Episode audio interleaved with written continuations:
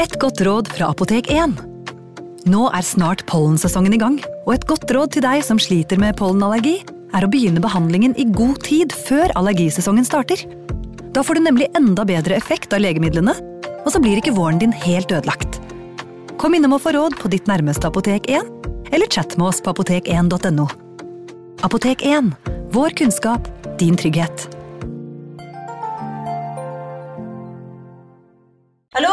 Jeg kommer fra Oslo politikammer. Ine Jansen er purk. Er du purk? The motherfucking bitch. Alt jeg vil, er å finne ut hva som skjedde med mannen min. Jon Carew. Er jeg sikta for noe? Iben Akeli. Det er du. Ole So, Lars Berrum og Big Daddy Karsten. Hvem sin side er du på, egentlig? Anette Hoff, Tone Danielsen, Kommer du fra Afrika? Jørnis Josef, Nesten kløfta. Trond Espen Seim, Det er synd å si det, men det var feil mann som døde. Purk. Premiere tirsdag på TV2 Play. Ungsamtalen fra DNB er økonomisk veiledning tilpasset deg som er ung. Bokk en ungsamtale på dnb.no. slash ung. Det er kjempebra hvis du skal inn på boligmarkedet, hvis det er drømmen din, liksom. Det er det du skulle sagt. Og så kunne du ropt litt mer, da, sånn som jeg gjorde. Bam! Advarsel. Denne podkasten inneholder skildringer av ekte drap og kriminalsaker som kan være støtende for enkelte. Det advares også mot sterke inntrykk i deler av episoden. En ganske vanlig jente som lever et ganske vanlig liv. Jessica Chambers var cheerleader, populær blant venner og fikk gode karakterer på skolen. Hun drømte om å bli sykepleier og planla å ta sykepleierutdannelse på college. Jessica var yngste datteren til Ben og Lisa Chambers, og selv om de to var skilt, bodde de i samme gate, så Jessica kunne være i nærheten av begge foreldrene hele tiden. Hun hadde alltid vært så familiekjær, og hadde en storebror og en storesøster som hun så opp til. Søsteren bodde med mann og barn i en annen stat, hun var gift med en soldat som var stasjonert der. Jessica holdt tett kontakt med både storebror og storesøster, men da Jessica var 17 år, skjedde noe tragisk. Broren Ben jr. dør brått, og hele livet til Jessica raser sammen. Hun blir deprimert, gråter hele tiden og orker ikke å tenke på college eller fremtiden enda. Hun vil sørge og setter livet sitt på vent. Hele familien tar selvfølgelig dødsfallet tungt, men støtter hverandre så godt de kan. Jessica takler sorgen på en destruktiv måte. Istedenfor å snakke om savnet etter broren, undertrykker hun følelsene sine. Hun vil ikke tenke på det mer. Det er for vondt, så hun begynner å drikke alkohol, og deretter røyke marihuana. Narkotikaforbruket eskalerer til sterkere saker. Hun prøver kokain og metamfetamin, men liker ikke effekten av stoffene, og prøver de aldri igjen. I den lille byen Jessica vokste opp i, bor det rett over 500 mennesker. Alle går til samme butikk, samme kirke, alle har gått på samme skole, og de fleste vet hvem hverandre er. Jessica klarer å komme seg ut av depresjonen sin etter hvert, og begynner å treffe venninnene sine mer igjen. Hun holder kontakten med noen av de hun tok dop med, men holder seg til alkohol hvis hun vil ruse seg eller rømme fra hverdagen. Jessica begynner å se lyst på livet igjen, og mamma Lisa er glad når hun endelig nevner college etter over et år uten å ha gjort stort annet enn å ligge i sengen på rommet sitt med gardinene trukket for. Jessica Chambers, nå 19 år, har hele livet foran seg, og det ser lyst ut. Helt til desember 2014, for da dør Jessica Chambers. Hun dør på en grusom måte, alene i en mørk skog. Jessica blir tent på og brent levende. Velkommen til True Crime Podden.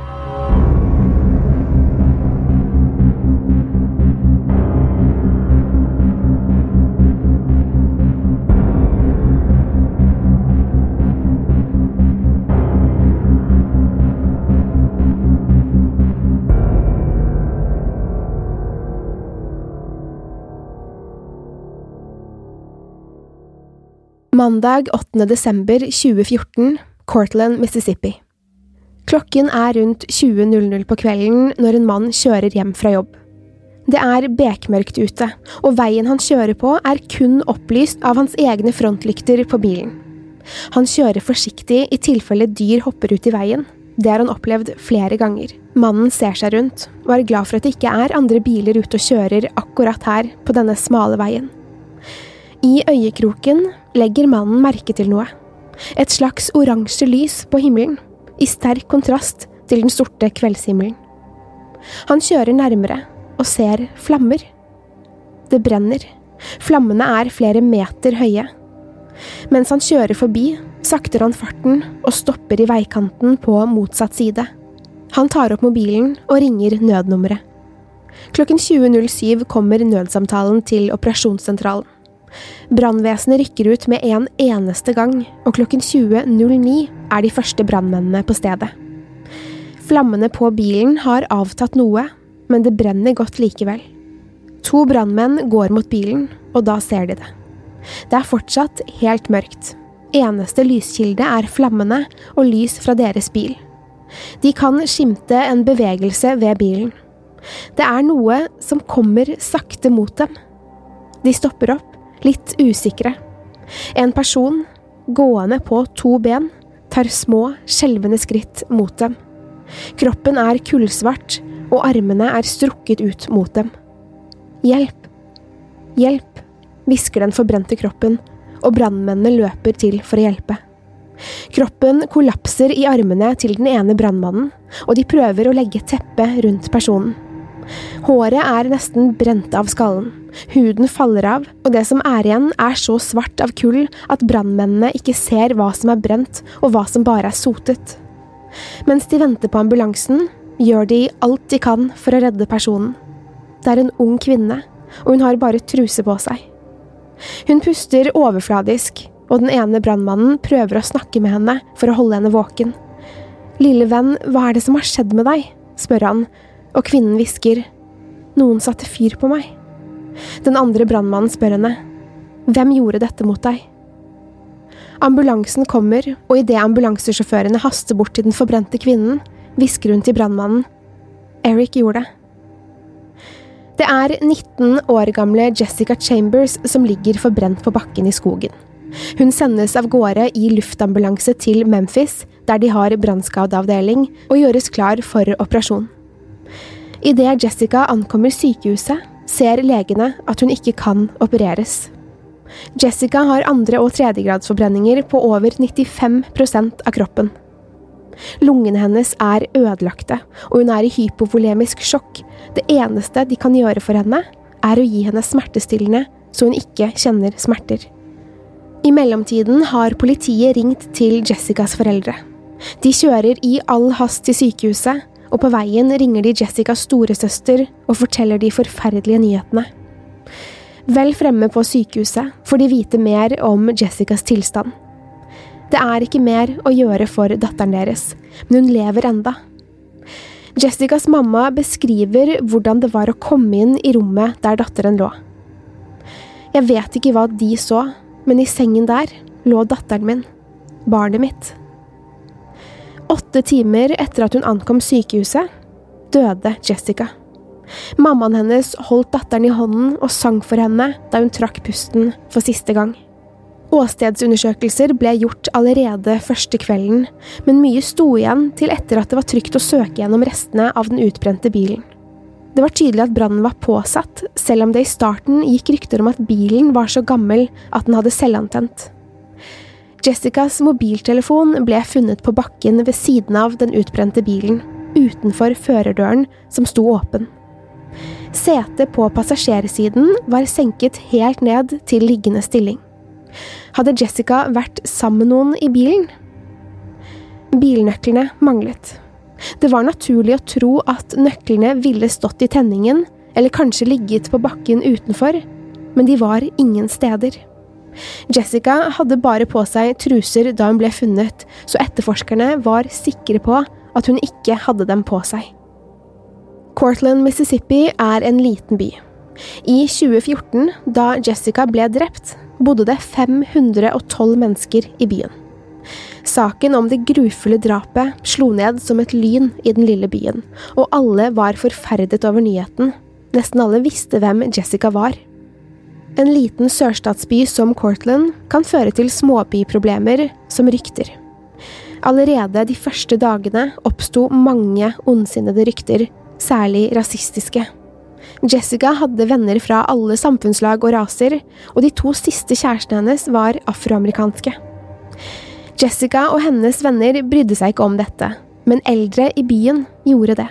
Dessverre var annet gruppen Ku Klux Klan aktive i Cortland og områdene rundt, og flere i byen var medlemmer, dog kanskje ikke så aktive.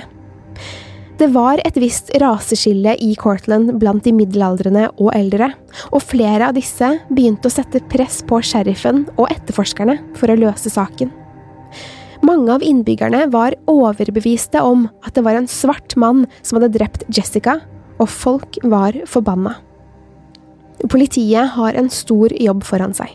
De avhører brannmennene på stedet, og en av dem forteller hva han hørte Jessica si før ambulansen kom. Eric gjorde det. Den andre brannmannen avhøres også, men han hørte ikke Jessica si dette, for hun hvisket, og han satt på det tidspunktet ved benet hennes, ikke oppe ved hodet, slik brannmannen som hørte Jessica gjorde. Dermed var det bare én mann som hadde hørt Jessica si at en Eric tente på henne, ingen andre. De kan likevel ikke la det ligge. Hva hvis Jessica virkelig ble drept av en Eric? Politiet setter i gang med avhør, alle i familien, vennekretsen og bekjente avhøres. Det samme gjør 15 personer som heter Eric, men ingen av dem mistenkes for drapet. De hadde solide alibier, alle sammen. Begge Jessicas ekskjærester avhøres, den ene satt i fengsel da hun ble drept, og den andre hadde alibi fra jobb. Selv om noen skrev på Facebook at Jessicas ekskjæreste, han som satt i fengsel, hadde bestilt drapet, fant politiet ingen grunn til å tro at han skulle ha noe motiv for å drepe henne. I alt 150 personer avhøres, og med en befolkning på 512 vil det si at ca. 29% av byens befolkning ble avhørt. En stor andel personer for en stor og alvorlig drapssak. Media skrev om saken hele tiden, ikke bare lokalt, men nasjonalt også. Folk ble så interessert i saken at de satte i gang sine egne hobbyetterforskninger, som på ingen måte hjalp politiet. Det gjorde alt verre. Både etterforskningen og tiden etter begravelsen ble et mareritt for foreldrene. Heller ikke Jessicas foreldre gikk fri for rykter, særlig på Facebook og i nettforumer. Om Jessicas far skrev en. Han er en narkoman redneck som er avhengig av metamfetamin. Det stemmer at faren hennes hadde vært i fengsel for narkotikabesittelse ti år tidligere, men han hadde ikke hatt noe med narkotika eller politiet å gjøre siden da. Han hadde en vanlig jobb og holdt seg unna trøbbel etter arrestasjonen. Politiet trodde ikke på noe tidspunkt at han var ansvarlig for datterens død. Om Jessicas mamma ble det skrevet. Hvordan kan hun leve med seg selv, vel vitende om at hun kunne ha vært en så mye bedre mor? Dette, og det om Jessicas far, ble skrevet i tiden etter begravelsen. Rett etter at to foreldre måtte gravlegge datteren sin, barnet sitt, minstejenta deres, som ble brutalt drept. Deretter så de seg nødt til å stille opp i nyhetene for å forsvare seg, selv om politiet ikke mistenkte dem. Dagen Jessica døde, hadde hun vært sammen med bestevenninnen Keisha Myers men på morgenen hadde hun vært sammen med en annen. En mann hun hadde møtt bare noen uker tidligere. 27 år gamle Quentin Tellis. Han tas med inn til avhør, slik som alle andre som hadde vært i kontakt med Jessica. Tellis sier at han har vært sammen med Jessica frem til klokken tolv den mandagen, og at han dro hjem senere.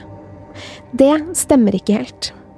Quentin Tellis vet ikke at politiet har Jessicas mobiltelefon, og at selv om den var forbrent, klarte de fortsatt å hente ut informasjonen fra den. Informasjonen på telefonen forteller en annen historie enn hva Tellis først fortalte. Og siden telefonhistorikken på hennes telefon var intakt, har politiet klart å lage en tidslinje for hva Jessica gjorde hele dagen før hun ble drept. Tidslinjen setter Tellis i et dårlig lys for hans telefontrafikk vitner om noe annet enn det han først sa. Vi vet at Jessica var hjemme hele ettermiddagen etter å ha reist fra bestevenninnen Kisha. Klokken 17.29, Jessica er på bensinstasjonen MMM Garage, og hun kjøper bensin for 14 dollar.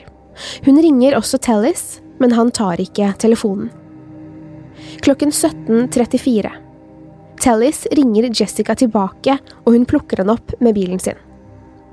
Klokken 18.04. Jessica og Tellis er på Taco Bell i Batesville, en by ved siden av den hun bor i. Jessica kjøper mat som hun spiser der. Klokken 18.11. Jessica prøver å få kontakt med bestevenninnen Keisha Myers.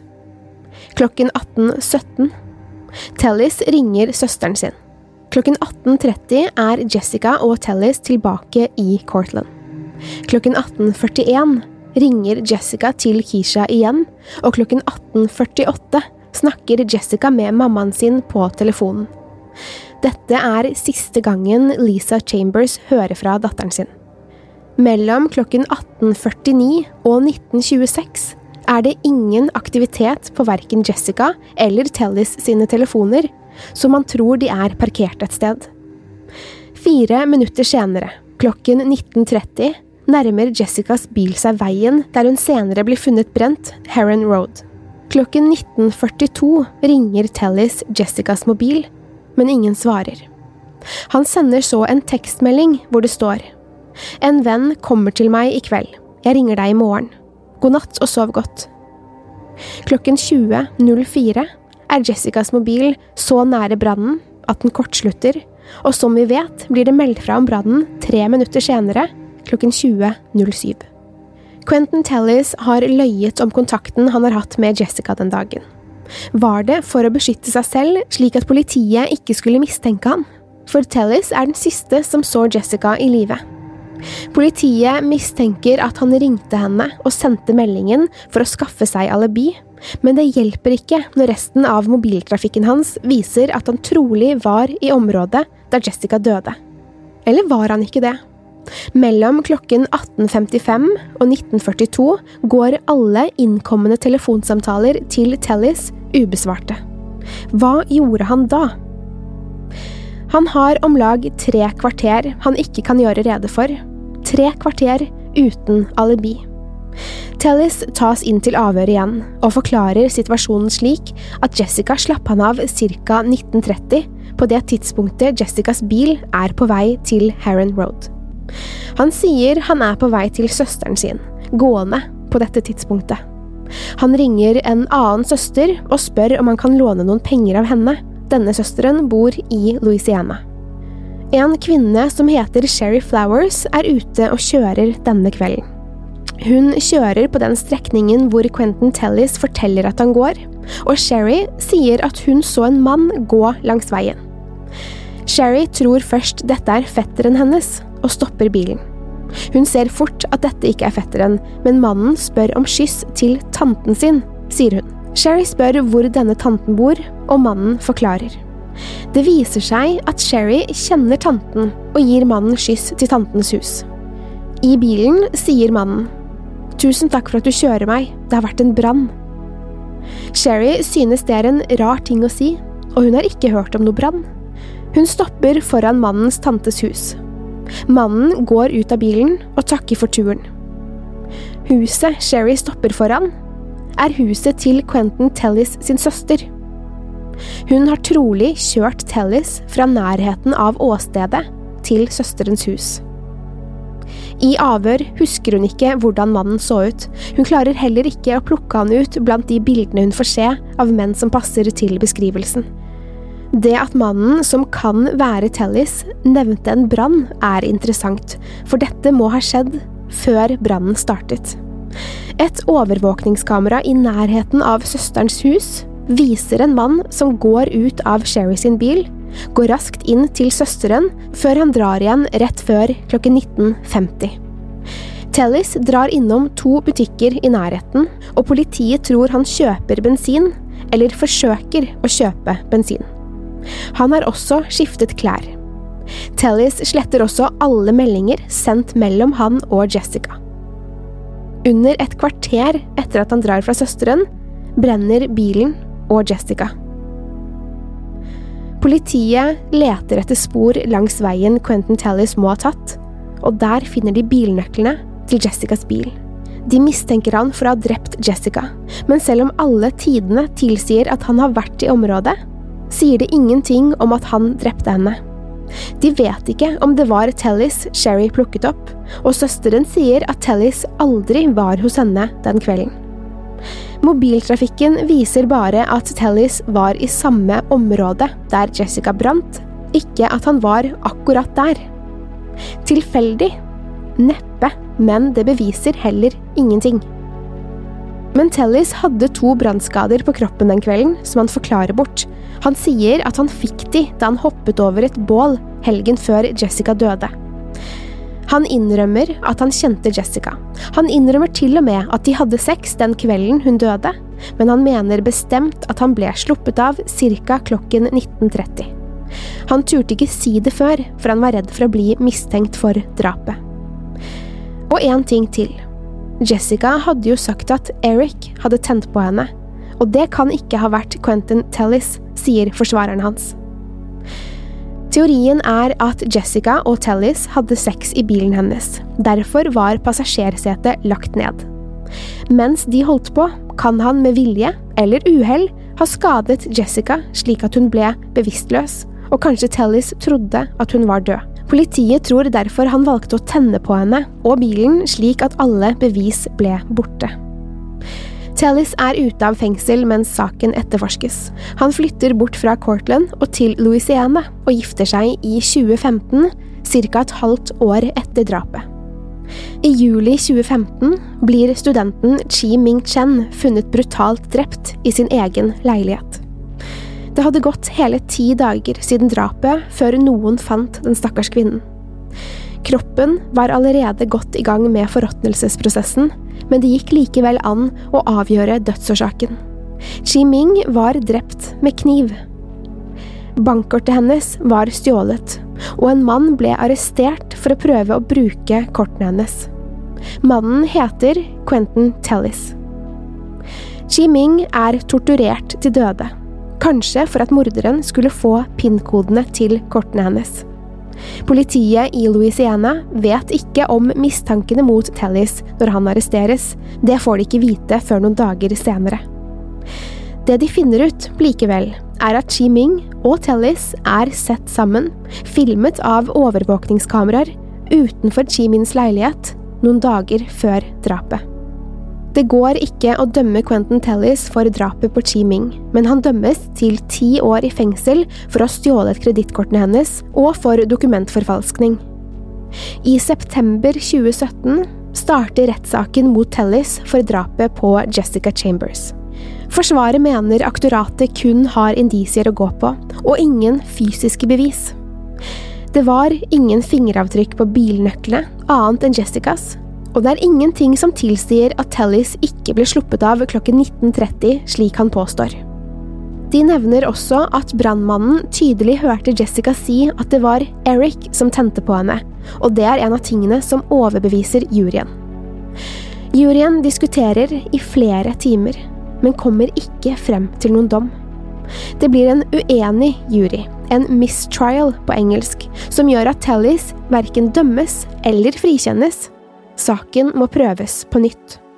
Og det gjør den, i september 2018. Resultatet blir det samme. Juryen klarer ikke avgjøre om han drepte Jessica eller ikke. Derfor er drapet fortsatt uløst. Quentin Tellis sitter fortsatt i fengsel for bedrageridommen, men kan snart prøveløslates. Om Jessica Chambers-saken skal prøves igjen, vites ikke. Dette var siste episode før sommerferien, og vi vil takke for at dere har fulgt oss så langt. Vi skal ikke gi oss, True Crime Podden er tilbake til høsten, nærmere bestemt natt til den 9. august. Vi ønsker dere en fantastisk sommer. Til neste gang, pass på dere selv, og takk for at du har hørt på True Crime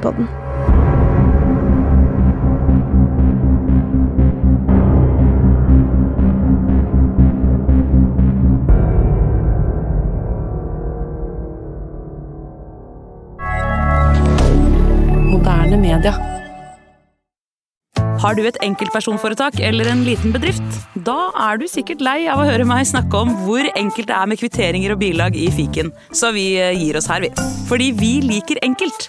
Fiken superenkelt regnskap.